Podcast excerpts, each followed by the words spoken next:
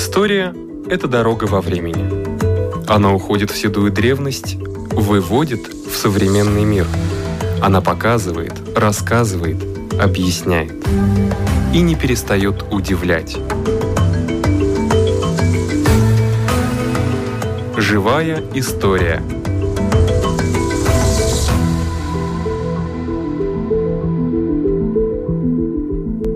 У микрофона Лидия Чера. Здравствуйте. Ежегодно в мире проходят детские конкурсы красоты. За многие месяцы безумные родители в погоне за счастьем драгоценного чада начинают серьезную подготовку. Уникальные платья и костюмы. За тысячи долларов. Накладные ресницы и ногти. Не только девочек, но и мальчиков обезумевшие мамаши тащат в солярии и на искусственные загары. Капризы в расчет не идут. Это конкурс, это деньги, награды, статуэтки и сомнительное будущее. Вот за что лишают детства маленьких конкурсанток и конкурсантов. Профессиональные детские визажисты накладывают тонны грима и косметики на нежную детскую кожу. Сложные прически и накладные волосы. Все это в течение многих часов терпит несчастный ребенок. Ради чего ломается детская психика? Совсем недавно, как будто опомнившись, мы посмотрели на эти конкурсы трезвыми глазами и испугались. Есть такое понятие «чистота детства». И все мы можем согласиться, что период раннего детства был и остается самым красивым и счастливым периодом человеческой жизни.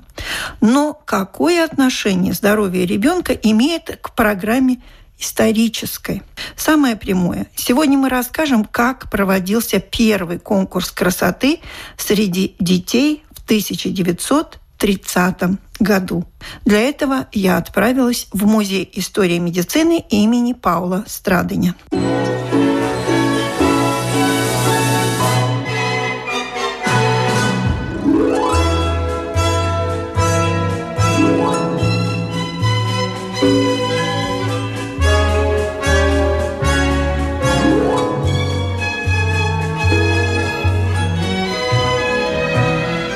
последнее время много дискуссий, много разговоров, много даже документальных фильмов мы видели о конкурсах красоты среди детей. Насколько это ужасно, насколько эти дети измучены, насколько из них делают каких-то марионеток, кукол.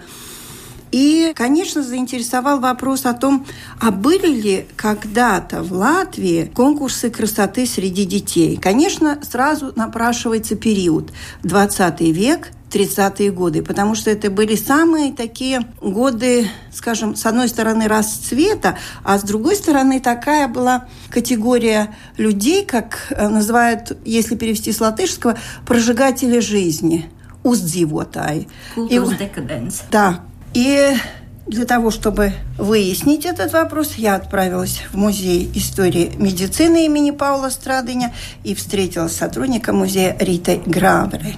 Да, это очень интересный вопрос. Но начнем, может быть, с конкурсов. В интернете можем прочитать на латышском языке такую статью Борманы, Анита Борманы, которая пишет статью «Большие страсти и скандалы в истории». Но она в основном пишет вообще о конкурсах как таковых, потому что самый первый конкурс – это в Бельгии, 1888 год. В 1026 году в Риге был конкурс мужской красоты и так далее, и так далее. Но конкурсе детской красоты я как-то никогда не задумывалась. Пишу книгу о Якове Нейманисе, педиатре, который с 25 по 30 год был директором Рижской детской больницы. Потом у него была своя детская клиника. Оказывается, что в 30 году всем знаменитой и, по-моему, даже русской публике известной Эмилии Бенjamin в журнале «Отпута» был проведен конкурс красоты для детей. И что самое интересное, Поэтому я и обр- хочу обратить на это внимание. В комиссии входило не только журналисты, которые особенно всегда делают эти конкурсы, но в комиссию первый раз входил руководитель департамента здоровья Риги, хирург Петерсон, Эмилия Беньяминя, участница женского движения Эмма Пипиня и сам доктор Ниманис. И я еще, прочитав это, подумала, ну надо же до чего докатиться к педиатру. И потом начала смотреть эти статьи. Оказывается, в январе 30 -го года Нейманис пишет вступительную статью. У него вообще такие четыре статьи. Он пишет статью специально по поводу этого конкурса. И в этой статье, первая статья у него называется да. «Общие размышления о матери». Как о главе семьи его даже, а как, как о главе семьи. И вот это его основной тезис. Мать – это глава семьи, и что мы не умеем ценить мать, и, во-вторых, у матери в то время, 30-е годы, хотя уже были юридические разные права, он считается, что статус матери у нас недостаточен. Представляете, с чего начинается вводная статья для детского конкурса. И при том он приводит интересный пример. В Париже в 30-х годов, если мать переходила улицу, полицейский остановил движение, потому что это было отношение к матери. И вот это, говорит, он нам, для этого нам расти и расти. Ну, вторая статья, тоже 30-й год, э, январь, 31 январь. И здесь он пишет, он разделяет, э, чтобы знать, кто будет участвовать в конкурсе, по каким принципам будет переходить конкурс. Он просто в широкую публику ознакомливает с разным периодом детской жизни и обращает внимание на то, что от того, как до 7 лет мы будем относиться к детям, от этого будет зависеть детское отношение к нам в старости две статьи, которые как будто не имеют ничего общего, общего да. с детской красотой. И в третьей статье, это уже февраль, он пишет понятие о детской красоте. Это я уже не переведу, но в целом он говорит так, что мы все одного мнения, что именно ранний период детства – это возраст от года до 7 лет, особенно 2-4 года, это самый прекрасный возраст в жизни, который он сравнивает как бы с песней, которая всегда очень важна как для самого ребенка, так и для старика, который вспоминает это детство. И поэтому он считает, что именно эти дети будут принимать участие в этом конкурсе, но он сразу оговаривает такие вещи – чем говорить о конкурсе красоты, надо иметь в виду, что для родителей все дети одинаковые. И поэтому красоту надо оценивать не как физическую красоту, или вернее такой тезис. Когда ребенок рождается, он может быть красивым, но до 7 лет он может быть некрасивым. Он имеет в виду как физическое развитие, так и психическое, гарига атеистиба. Mm-hmm. И наоборот, ребенок может рождаться как будто некрасивым, до, до 7 лет он обретает такие интересные качества, что он красивым. И в этом он первый раз говорит о том, что красивый ребенок – это, конечно, здоровый ребенок. И для этого опять он первый из врачей приводит в таком журнале, как «Отпута», где идут романы, любовные сплетни и все такое, он приводит эти показатели каждого периода жизни и старается сказать, что красота прячется в нормальном физическом отношении отношении и в нормальном психическом развитии, что значит, что это зависит не от ребенка, а это зависит от родителей. Ну и в конце концов, опять же, еще раз о детской красоте.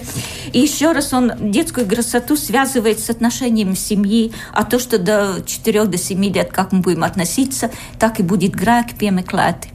Vecāku grēki tiek piemeklēti pie bērniem. А, так что грехи останутся детям по наследству, как бы, да? Это наше отношение к детям. Если оно такое, какое небрежное и так далее, и так далее, то вот будет именно этот тезис. И здесь впервые он говорит о такой вещи, как а в то время, когда родился ребенок, для матери красотой было, когда он был пухленький, когда он был такой да. розовыми щечками, с ямочками, с ямочками и, и так далее. И здесь он говорит, что красота не прячется в этой пухлости, но красота зависит от нормального развития ребенка, в том числе Нет, от правил питания. То есть целый комплекс воспитания психического, физического развития ведут к тому, что ребенок должен быть красивый. И самое-самое-самое, не знаю, я интересно ли рассказываю, но самое последнее, о чем он еще говорит, это примерно четыре статьи. Здесь идет речь о красоте и о физическом здоровье э, ребенка школьного возраста. И в конце концов он говорит о том, чем родители в долгу перед своими детьми. Чем? Вот чем. это очень интересно. В долгу перед тем, что это основное их занятие. Что от того, как они будут заниматься, он суммирует все это дело, чем родители в долгу перед своими детьми. И тогда мы можем будем спрашивать от своих детей. Но я хотела обратить внимание, что такие пять статей по поводу конкурса – котором конкурса был красоты, конкурса детской красоты детской. Получил четырехлетняя девочка, которая жила в однокомнатной квартире с матерью, совсем, совсем не богатая, и она получила вот это небольшое вознаграждение, которое мать, как объявила с отпутой, будет хранить для ее школьного и высшего образования. Но интересно вот что. Ну, я не знаю, я уже буду дидактическим, что детский врач превратил этот конкурс такой, даже не мораль, он превратил этот в конкурс от параметров, как будто такой красоты, где такие ушки, такие глазки или такое, такое человека пропорции, такое. Он обратил внимание, на мой взгляд, что детская красота прячется в нормальном, здоровом, приспособленном к жизни, восприятию жизни ребенку. И что этот ребенок именно этот ребенок красивый. Но если вы взгляните и полистайте эту output 30-х годов, вы видите там очень много детей. Очень разных детей. И поэтому я понимаю, что ими выбрать было нелегко. И поэтому вот эта девочка, которая победила, как бы знаменует этот конкурс тем, что она из несостоятельной семьи, небогатой. Да. Это ребенок, который по физическому и по умственному развитию относится именно к своему развитию. Угу. Скажите, так конкурс конкурс состоялся в 30 году, да? А условия конкурса не помните, где он проходил и сколько участников было? Не нашла пока. Нашла только вот потому что с самого окончания конкурса только я узнала результаты, но еще не все отпуты я перечислила и хотела просто поделиться правда... вот теми размышлениями, что именно детский врач перевернул весь этот взгляд на конкурс. Но участвовал там примерно около 300 ребят, детей. Много, да. Но я хочу сказать, что Яков Нейманис как-то мне... Мы все любим детских врачей. Мы ценим детских врачей в целом. Но такой персоналии, наверное, редко когда встретим. Это человек, который, во-первых, прошел Первую мировую войну, два раза был к смерти представлен. Его хотели расстрелять как красные, так и белые. Его спасал белый священник белого движения. Он возвратился в Ригу. Он работал у профессора Гартье прекраснейшая... А где он вообще образование получил? Тарбата. Тартусский университет, да. то, тогда Юрьевский университет, там он получил образование. И когда приехал в Ригу, он работал ассистентом детской клиники, потом был заведующий 10 лет э, Рижской детской больницей. С 35 по 40 год у него была собственная больница на улице Даугавгривас, которая уже давно не больница, но он долгие годы был заведующим по призыву профессора Гартье, а профессор Гартье, может быть, мы когда-нибудь поговорим отдельно. Это замечательная личность, тоже педиатр, который пришел в Латвию 20-х годов. Ну, по фамилии француз. Да, у него есть французско-русско-бело-немецкие корни, у него есть. Ну, о нем поговорим, потому что о нем можно очень много рассказывать именно о его семье, о его семейном вкладе именно в русскую культуру 30-х годов Латвии. Но он был, э, Яков заменил его директором дома малютки, а потом он был директором детского дома до 40 -го года. Взял сам воспитание двое э, малышек из этого детского дома. Правда, их эвакуировали в 44 году в Швецию. И в целом эта личность очень многоплановая, и поэтому я так не могу никак закончить, у меня открываются новые и новые факты. Этот детский дом, который сейчас находится в совершенно разрушенном состоянии, со сломанным забором, в да. Майоре недалеко от да. Лелупы, да? Да, 24 году его открыли. Он находится, бывший Муйжа, это такой, да. который власть, да, в 22 году открыли дом малютки, в 24 году открыли вот этот дом ребенка. И он жил в Юрмале потом, да? Да, он жил в Юрмале. Он жил в Юрмале, Майере, на улице Ундинес 9. Да. И там принимал посетителей? Ну, тогда, наверное, надо да. рассказывать о нем особенно, потому что у него очень трагическая судьба оказалась. В 30-е годы он был детским врачом всего советского посольства в Риге.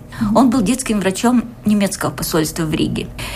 Э, его хотели... Заодно это могли его уже расстрелять. Да. Ему предлагали эвакуироваться как с одной стороны, так и со второй стороны. В 45-м он, чтобы его не перевезли в Германию, он поехал в Курсеме, надеялся переплыть море, но на море их вернули обратно именно 45 -го года, 9, 9 мая. Потом с 51 по 55 год он был в Сибири на долгие пять лет, хотя перед этим был заведующий детской кафедрой Латвийского университета. И после 55 году вернулся в Майере, и тогда уже был врачом, как говорится, детской, одно время небольшой детской поликлиники, а потом уже просто принимал на дому, потому что старшее поколение хорошо его помнит. Почти все были у него на приемах но очень много открывается таких, таких неожиданных, да? неожиданных и, главное, таких этических аспектов, которые придают хотя бы этот аспект детской красоты. Это удивительно. И аспект вот этого, аспект такого явления, как сегодня, когда мы выставляем новорожденных на улицу. Оказывается, Нейманис был одним из первых тоже, который об этом заговорил именно в статьях как в Арпуте, так и в других печатах. То есть эти ясельки, которые издают детей, да? эти, которые... Вы имеете в виду? Нет, э, да, ясельки, которые сдают детей, но поэтому и был этот дом малютки, потому что находили этих новорожденных после Первой мировой войны. Где угодно. Где угодно, да, это очень печальная страница истории. Но сейчас нет войны, и все равно дети находятся. Потому что мы, очевидно, не знаем истории. Мы опять возвращаемся к тому, что мы не учимся. Спасибо. У микрофона была сотрудник Музея истории медицины имени Паула Страдыня Рита Гравера.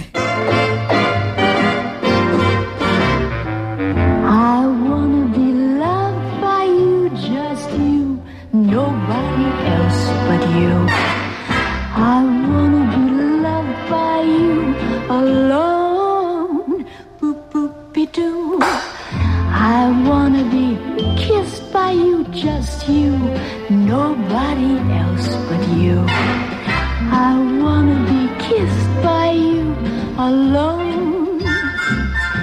I couldn't aspire to anything higher than to feel the desire to make you my own. I wanna be loved by you, just you, nobody else but you. I wanna love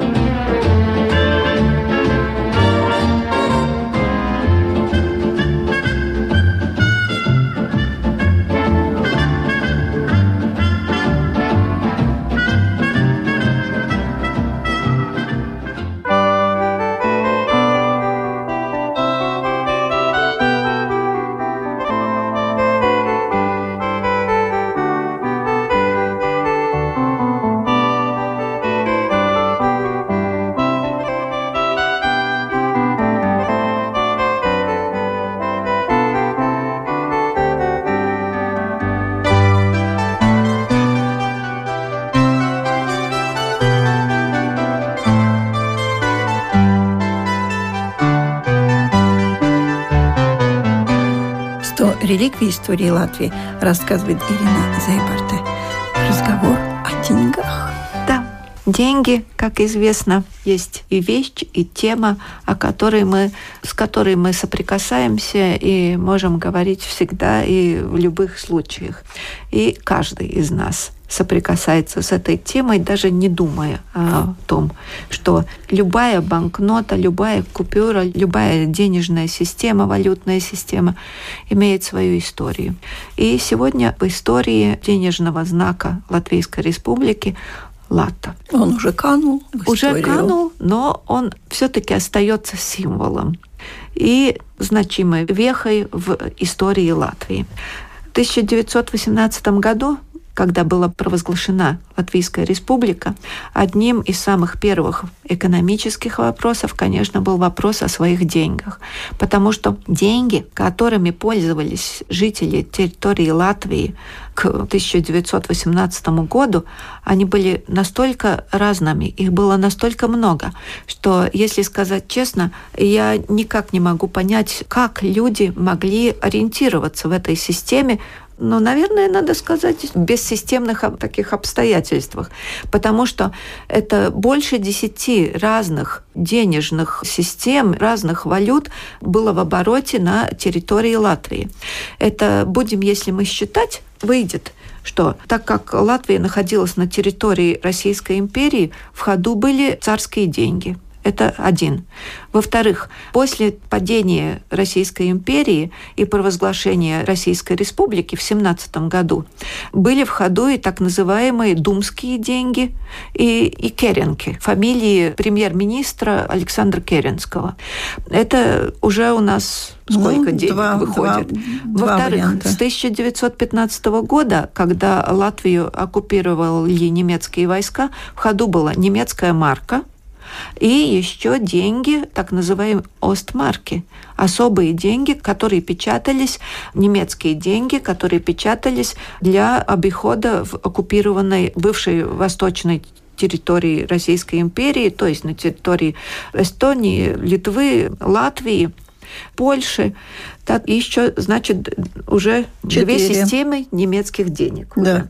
Потом, когда уже после течения Первой мировой войны и после окончания Первой мировой войны, чтобы как-то справиться с хозяйственным хаосом, деньги стали печатать и отдельные города. Были свои деньги у города Ялговы, метавские деньги, у города Лепаи, либавские деньги. Были свои деньги у Риги, своя система. Но это еще не все. Когда в 1919 году большую часть э, территории Латвии оккупировала советская Красная Армия, Тогда тут был принят закон правительством Советской Латвии о том, что тут вводится и советская валюта, советский рубль. То есть были деньги Советской России, ну, реже, конечно, и местные угу. деньги Советской Латвии. Но и тут деньги печатали и несколько городов уже названная Рига имела свои советские деньги. И, например, такой город, как Цейсис, тоже имел свои собственные советские деньги.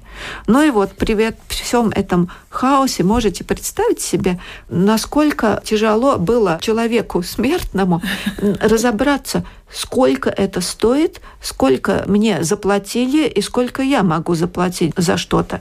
И поэтому уже в конце 1918 года правительство Латвии приняло официальный курс, по которому предполагалось рассчитываться этими деньгами. Ну, например, в 11 декабря принято постановление о том, что курс будет теперь таковым. Один царский рубль стоил 0,8 ост рублей или 1,25 копеек думских рублей. Своих денег у Латвии не было, Поэтому приходилось пользоваться вот этими чужими деньгами. И было абсолютно ясно, что нужна национальная валюта. И 22 марта 1919 года правительство Латвии, которое находилось еще в Лиепае, когда большая часть территории Латвии еще была оккупирована советскими войсками, дало указание министру финансов выпустить первые денежные знаки Латвийской республики. И пока их название было принято, чтобы ну, и дальше не путать человеку способность разобраться, что и что. Эти деньги должны были называться латвийский рубль и, конечно, латвийская копейка. И эти деньги, латвийский рубль и латвийская копейка с апреля 1919 года до сентября 1922 года выпускались довольно многими номиналами. То есть рубли были 1 рубль, 5, 10, 25, 50, 100 и 500 рублей. И копейки. 5, 10, 25 и 50 копеек. Но что, по-моему, совсем интересно, копейки были бумажными. Mm. Небольшими такими бумажными кусочками, несколько сантиметров, но это были латвийские копейки и несколько раз курс пересчитывался, латвийские деньги к царскому рублю и так далее, и так далее, как мы уже говорили. И 18 марта 1920 года Народный совет принял постановление о том, что латвийский рубль отныне является единственной законной валютой, которой надо расплачиваться на территории Латвии. И когда Министерство финансов в 1921 году официально официально приняла курс обмена латвийских рублей на золото, то курс этот был таковым. 50 латвийских рублей были приравнены, приравнены одному золотому франку то есть французской э, валюте. И вот с тех пор латвийская валюта шаг за шагом начинает становиться доминирующей на территории Латвии. Это было не так просто, как я теперь рассказываю, потому что люди, как всегда, к своим сбережениям, а особенно если этих сбережений мало, когда много, я не знаю, как это. А когда мало, люди очень волнуются, очень беспокоятся о том, какой будет судьба их накоплений. Ведь это очень важно, насколько поменяют. Не поменяются ли эти деньги еще раз? Что мы опять потеряем на обмене валют? Но большинство нас, слушателей, знают, насколько это бывает сложным, и когда можно потерять и последние сбережения. И поэтому сначала ну, отношение к латвийскому рублю было очень-очень настороженным, его не хотели принимать. И только вот распоряжениями сверху удалось переломить ход, и не только, наверное, этом, поэтому, но и своими действиями Временное правительство и потом уже Кабинет министров все-таки доказал свою дееспособность и этим завоевал доверие со стороны потребителя. И латвийские рубли стали принимать охотнее и охотнее. 3 августа 1922 года Кабинет министров принял постановление о деньгах, которое получило силу закона, и они, это постановление говорило о том, что в основе денежной системы Латвии будет золото, и э, единица валюты Латвийской Республики, лат, будет содержать, буду теперь читать так, будут содержать 0,2903-226 граммов чистого золота. А обмен рубля, латвийского рубля на латвийский лат был обозначен по соотношению 50 к 1. И это постановление было подготовлено Министерством финансов, и в этом же постановлении было принято название новой латвийской валюты «лат». Но я думаю, что интересно было бы еще напомнить слушателям, что дискуссии о том, каким должно быть название латвийской валюты, они были очень-очень интересными. К лату не сразу пришли. Например, были такие предложения. Ну, значит, как всегда, два названия. Это, ну, крупные деньги, да. мелкие деньги, то есть разменные деньги. Было предложение, например, такое, назвать крупные деньги озолс, дуб, ага. а мелкие зилы, то есть желудь, например. Или еще сауле, он аустра солнце и рассвет. рассвет. Э, и еще многие другие предложения. Но в конце концов эти предложения не прошли, а остались у названия «ЛАЦ», потому что это начало названия страны, страны название государства. И когда 19 сентября 1920 года был принят устав Латвийского банка, он первый номинал латвийской новой валюты был в оборот. Выдан в оборот. Выдан в оборот. Это был очень особый случай, когда на банкноте, на купюре, которая раньше называлась 500 латвийских рублей, было напечатано красными буквами новое название 10 латов. И это были самые первые латвийские латы, и уже потом только наладилось производство латов, которые уже были, ну, ну только латами. Но, наверное, надо напомнить, что, как мы уже упоминали в своих рассказах, что дизайнером этой купюры был известный латышский художник Рихардс Заринч. Спасибо. У микрофона была Ирина Зейберта. На этом наша программа заканчивается. Всего вам доброго.